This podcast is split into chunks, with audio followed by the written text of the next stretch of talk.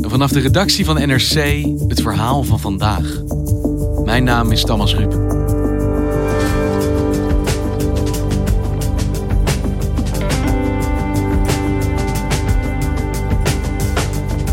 Het is vandaag 20 jaar geleden dat de eerste aflevering werd uitgezonden van realityprogramma Big Brother. En televisie was nooit meer hetzelfde. Hoe kon dit ene programma over die alledaagse mensen in dat huis in Almere zo invloedrijk worden?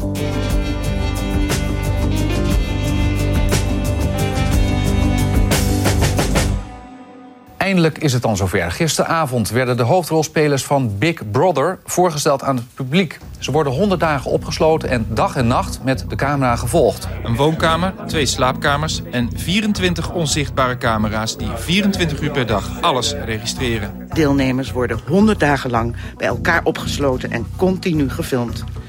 Elke avond op primetime is er een samenvatting van de wederwaardigheden van die proefpersonen. Het is vandaag dus 20 jaar geleden, precies op de dag dat de eerste aflevering van Big Brother op televisie kwam. Ja, it was 20 years ago today. Het begin. Gaan we dan, hè? Ik ga links. Wauw. Nou, we zijn thuis.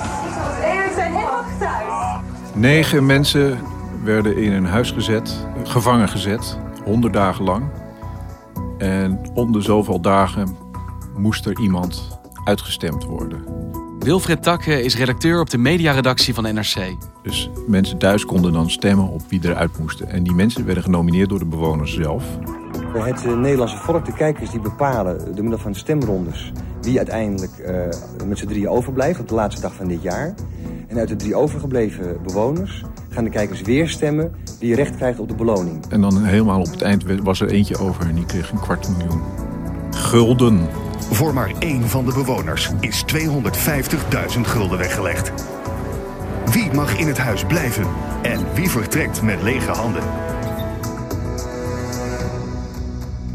Toen ik net hoorde van we gaan een aflevering over Big Brother hebben, was het eerste wat ik zei Ruud. Natuurlijk Ruud. En toen zei iemand tegen mij: Ruud heeft helemaal niet gewonnen. En ik dacht, ik heb zo in mijn hoofd dat Ruud Big Brother gewonnen heeft. Ja, dat was het grote schandaal. Bart won. Ik moest even denken, oh ja, Bart. Die was ja, Bart was nog. een hunk, uh, een blonde ja, een boyband, held. Uh, maar Ruud was verreweg het populairste. De Brabantse gezellige jongen die uh, even knuffelen zei en iedereen masseerde. En ja, eigenlijk de groep bij elkaar hield. Maar hij verloor. Dus we hebben Ruud, Bart, Bart Sabine. En Willem niet te vergeten, de, de nummer drie. Willem was de kok. En hadden we eerder zoiets al gezien in Nederland, zo'n programma als dit? Eigenlijk wel. Er was een voorloper, nummer 28. Een KRO-programma, begin jaren 90. En dat ging over een studentenhuis. De KRO had een studentenhuis gekocht en daar studenten ingezet. En die werden gefilmd. Zeven jongeren, acht maanden lang in één huis in Amsterdam. Ze kennen elkaar niet. MTV heeft dat daarna nagedaan, The Real World. This is the true story. True story. Seven strangers picked to live in a loft and have their lives taped. To find out what happens. What? When people stop being polite. Could you get the phone? And start getting real. The real world. En, heel belangrijk, Expeditie Robinson was al begonnen, 1997, in Zweden. I sju veckor ska de försöka överleva på en öde ö och vinnare av en kvarts miljon. Om vem som ska bli expeditionens Robinson. Daar werd een groep mensen op een onbewoond eiland gezet. En zoek het maar uit. Dat is eigenlijk heftiger dan Big Brother. Maar toch, Big Brother is voor iedereen het beginpunt van de grote reality hype die televisie zo veranderd heeft.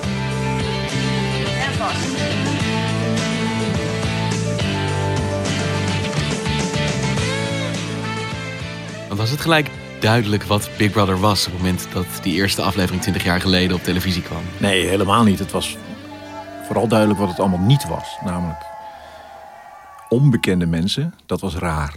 Normaal kwam je op televisie als je iets kon of iets wist. En deze mensen konden niets, die, dat waren doorsnee Nederlanders. En die gingen dan in een huis zitten. En dat werd allemaal puur opgediend. Dat was het idee. Voor heel veel mensen kon dit geen goede televisie opleveren. En daar ging natuurlijk niemand naar kijken, want het was te veel te saai. En heel veel mensen vonden het ook slecht. Het zou slecht zijn voor de mensen die in het huis zaten. Psychologisch was het volstrekt onverantwoord, vonden de psychologen. Dat was de bus vooraf. Dit gaat dodelijk saai en mogelijk gevaarlijk worden. Ja, die mensen draaien door. Ze worden gek. Uh, dat gevaar bestaat natuurlijk. Dat mensen op een of andere manier... door wat er in zo'n groep gebeurt... want er gebeurt ontzettend veel... beschadigd raken, gestresseerd raken, decompenseren. Die gevaren zijn er reëel. Dat roept meteen de vraag op of je dat wel moet doen. Ik vind het niet verantwoord. Uh, de reden is dat er een alles of niets beloning wordt gehanteerd... waardoor er uh, een competitieve sfeer gaat ontstaan, een sfeer van vijandigheid en agressie. De consequenties zijn daarom niet te overzien. Hier wordt alleen maar de voyeuristische behoefte van de toeschouwer wordt bevredigd. En voor de rest is het alleen maar hoe krijgen we de mensen aan de buis. Het is handel en in die zin dicht in de buurt van immoreel. Ethisch is het natuurlijk walgelijk. Wat is er walgelijk aan? Het is gewoon terug, teruggaan in de jungle-tijdperk. Ja, maar dat is toch met Jerry Springer ook? Dat is toch met Jerry Springer ook? Dat is toch... Jungle, ja, jij mag zeggen, jungle-tijdperk. Ja, absoluut. Wat je in beeld brengt hier, wat zij willen, is inderdaad zinloos gedrag ten top. En je mag alles met mij doen en je mag uitzenden, je mag me alles opnemen. Ik geef mijn hele leven aan Veronica. En dat gebeurt ook in een secte. Dus nu zeg je eigenlijk dat je het niet moet doen? Nee, ik vind zeker dat het niet moet gebeuren. Maar dat wil niet zeggen dat ik het niet een geweldig intrigerende ontwikkeling vind. Maar je vindt het wel interessant en intrigerend Ja, omdat het een, een standpunt maar is. Maar dat hebben we toch allemaal? Heb, heb jij dat niet? nee, maar het is nou, ik, nee, maar het is niet zo... Was het gelijk raak? Meteen vanaf het eerste moment dat het op televisie was, werd het een hype? Ja, ja, het, en het normaal is dat een kijkcijfer een beetje terugloopt na een tijdje. Hier bleef het alleen maar stijgen. Dus het begon met tegen de miljoen en eindigde met 3,5 miljoen kijkers. De eerste aflevering had gelijk een miljoen kijkers. En heel bijzonder was uh, internet. Je kon alles live op internet volgen. Thuis, op je computer thuis. Er was, er was heel erg veel over te lezen. NRC was vrij laat. Dit was typisch iets wat buiten het blikveld van de NRC gebeurde. Commerciële televisie, dat kon nooit goed zijn. Maar toen de laatste aflevering kwam, toen hadden we een heel katern over Big Brother en hoe bijzonder het was. Dus NRC is altijd wat later, maar dan krijg je ook meteen alles. Want hoe werd er vanuit de media gekeken naar dit programma? Want tevoren zeiden mensen dus van, nou, dit kan een hartstikke gevaarlijk experiment worden. Anderen zeiden bijna tegenovergestelde, nee, dit wordt dodelijk saai. Ja, het werd toch een beetje gezien als het einde van televisie. Televisie uh, draaide om uh, dat je vermaakt werd en dat je drama kreeg en geïnformeerd werd. En dat was dit allemaal niet. En kun je verklaren waarom het dan toch zo'n groot succes werd? Ja, nooit helemaal. Ik had het niet kunnen voorspellen. Maar ik denk dat het een soort kampvuurwerking heeft. Authenticiteit is ontzettend belangrijk geworden. Dat je het echte leven ziet. Echte mensen. En dat biedt normale televisie niet. Of normale televisie, de andere televisie. Daar is het allemaal gescript en geregisseerd en voorgekookt. En hier niet. Hier krijg je het te zien zoals het is. Met enorme aanhalingstekens eromheen. Want die discussie begon toen en loopt ook nog steeds wat is er real aan reality? Want zodra je er een camera op zet, dan is het dan niet echt meer. Het is al een onnatuurlijke situatie dat je in een huis zit opgesloten met, met uh, acht vreemden.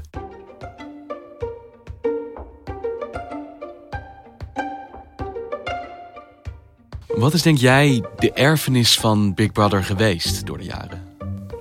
Om te beginnen Big Brother zelf, dat is niet eens een erfenis. Het bestaat nog steeds. Big Brother bestaat nog? Ja, in, in, al, in heel erg, in tientallen landen wordt het nog uitgezonden, ook in Amerika. Dat was ook nog nooit gebeurd, dat een Nederlands programma in 50 andere landen een succes werd. En nog steeds. En ze kwamen ook meteen kijken. Dus Amerikaanse televisiebazen kwamen hier kijken hoe het eh, er, eraan toe ging. En iedereen wilde dat hebben. En nog steeds. Overal op de wereld zijn uh, Big Brothers, worden Big Brothers uitgezonden. En ook daar is het e- eerst een grote schande. En ja, dan bent het weer en dan wordt er van alles aan opgehangen. Dat is ook altijd leuk. Je ziet bijvoorbeeld in landen waar geen democratie is... wordt dit als een groot gevaar gezien door het regime... omdat de mensen vrij mogen stemmen. Dus in de Arabische wereld is dat geweest, in China. De Chinese regering was als de dood voor Big Brother. Want ja, het volk mocht stemmen, dat was niet de bedoeling. En in Ara- Saudi-Arabië werden allemaal dingen besproken die je normaal niet bespreekt. Het ging over seks, eh, homoseksualiteit enzovoort. Allemaal van die taboe onderwerpen konden ineens in Big Brother. Het bijzondere aan Big Brother is het combineerde documentaire met soap. Je maakt de soap uit de werkelijkheid. Maar soap is voor in de vroege avond voor een niet zo'n grote, maar hele trouwe groep kijkers. Maar dit was prime time voor miljoenen mensen. Dus de verwachting was in Nederland dat dat dan met nieuwe seizoenen ook zo zou gaan. En dat was niet zo. Het werd een beetje normaal. En daarom zijn ze er denk ik mee gestopt. Het voldeed niet meer aan de verwachtingen van die eerste. En wat zijn de opvolgers van Big Brother geweest? Welke programma's zijn daarna gevolgd die er niet waren geweest zonder Big Brother? Onmiddellijk daarna had je de bus. Die ging in alles wat verder. Job, Job, wil je eventjes alsjeblieft niet zoveel over seks, seks praten? Dat doe ik helemaal niet. Want de bus, wat was de bus ook weer? Hetzelfde, maar dan in een bus. En van de concurrent. Bij de bus hadden ze al ontdekt dat je extremere types moet nemen. Want dat gebeurde daar wel. Waar Big Brother juist selecteerde op normaalheid, was de bus al bezig met extravagante Ja, types. meer vinden. ruzie, meer eh, lawaai, gedoe. De Gouden Kooi. Op een geheime locatie in het Gooi werd keihard gewerkt aan een gloednieuw televisieconcept. Een prachtige villa wordt met man en macht klaargestoomd om tien doodnormale mensen een miljonairsleven te geven. Met nog weer eh, extremere types en nog meer eh, ruzie enzovoort. Later hebben we nog O.O. Gerso gehad. Zuipende jongeren, drank en seks. En dat het rare mensen moeten zijn. Het moeten gewone mensen zijn, maar toch wel weer rare mensen. Dat is volgens mij meer de trend geworden. Eh, Je hebt eh, programma's over mensen met een aandoening, mensen gehandicapten. Dat vinden we leuk. Of inderdaad extreme karakters. Dus het, is, ja, het heeft een enorme invloed gehad. En ontzettend veel navolging. Überhaupt dat er gelu- geluisterd werd naar gewone mensen. Dat, dat, dat de gewone man iemand werd om rekening mee te houden. Je ziet het ook in de politiek. De even later de opkomst van Pim Fortuyn. Iedereen eh, schrok zich dood van... oh jee, de, in, het, in het land, de gewone mensen... denken iets heel anders dan wij dachten dat ze dachten. Laten we eens naar ze gaan luisteren. Laten we... De gewone mens, de gewone stem Ja. voorop zetten in plaats van op de achtergrond laten klinken. En authenticiteit als, als doorslaggevende kwaliteit. Alles moet zo authentiek mogelijk zijn. Terwijl dat natuurlijk niet zo is. En ja, ik zie ook eh, de vloggers als kinderen van eh, Big Brother. Je laat je eigen leven zien. Zelf. Dat is wel een groot verschil, dat je het in eigen hand houdt. Je denkt de vloggers nu, dus jongeren die hun eigen leven filmen en dat op YouTube uitzenden. Ja, en wat me altijd opvalt is, is dat dat ook zo, zo dagelijks mogelijk moet zijn. Dus hoe, hoe dramatisch het leven van die mensen ook eigenlijk is, ze maken het zo daar. Het gaat over, ik ben opgestaan, ik heb ontbeten. Terwijl jij zou zeggen, je neemt de camera mee als je ergens naartoe gaat. Je laat zien wat je gaat doen in plaats van dat Ja. je vertelt. En dan richt je hem niet op je eigen kop de hele tijd, want dat is niet zo interessant. Maar ja, dat, dat moet juist bij vloggers. Het zijn dagboeken. En dat is volgens mij toen bij Big Brother begonnen. En tevoren was er dus die angst, onder meer van psychologen, dat dit helemaal mis zou gaan. Dat, we dat de menselijke geest zou bezwijken om constant gefilmd te worden, gezien te worden. Is daar iets van bewaarheid? Hoe is het deze deelnemers van die eerste Big Brother eigenlijk vergaan? Big Brother Ruud werkt tegenwoordig in een fitnesscentrum in Etteleur. Achter deze deur heeft hij een praktijk. Ze hebben geen schade ondervonden van in dat huis zitten. Wat denk ik wel moeilijk is als je er dan uitkomt en de hele wereld wil iets van je en begint aan je te trekken. Dat heeft Ruud ook wel verteld later. Dat eh, iedereen wil hem ergens hebben. Iedereen, hij kan niet normaal over straat, want dan wil iedereen een handtekening. Hij is iemand die geen nee kan zeggen. Dus dat, dat, die raakt, raakt er wel van doorgedraaid. Ik denk dat we misschien een beetje beter voorbereid moesten worden door Veronica op wat er te wachten stond. En eh, ja, hoe je met mensen om moet gaan, weet je wel. Ineens ben je een heel bekende Nederlander. Er komen 15 miljoen mensen op je af. En eh, wie het goed bedoelen, wie het slecht bedoelen. En eh, dat is best wel moeilijk. En Bart had dat ook wel. Willem, die ging meteen weer aan het werk. Die is kookleraar. Willem kon iets. Want dat is het rare aan die andere Big Brother mensen die het snabbelcircuit ingingen. Nu, als je in The Voice bent geweest, dan kun je nog eindeloos in discotheken en op studentenfeesten optreden. En dan zing je je lied, wat iedereen kent. Maar die mensen van Big Brother, ja, die, die kwamen dan alleen maar om er te zijn.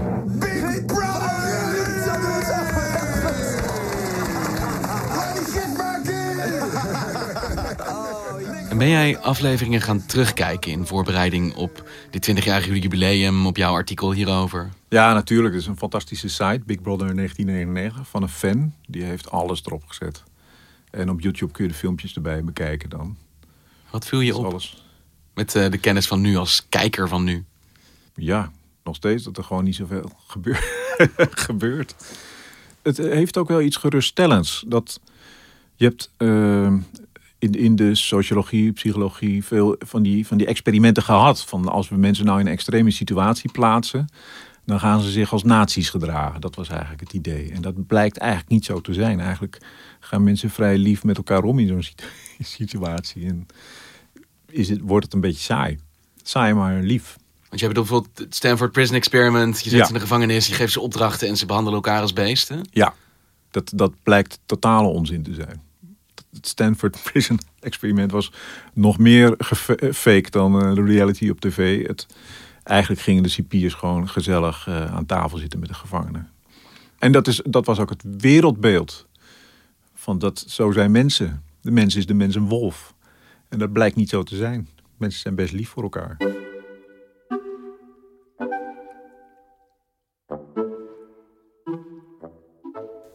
We hebben geen Big Brother meer, maar we, wel, we, hebben wel een nieuwe Big Brother. En dat is Utopia. Ook van John de Mol. Ook weer ergens in het bos op een terrein. Een paar mensen gestopt in een, in een loods dit keer. Het, eigenlijk hetzelfde idee.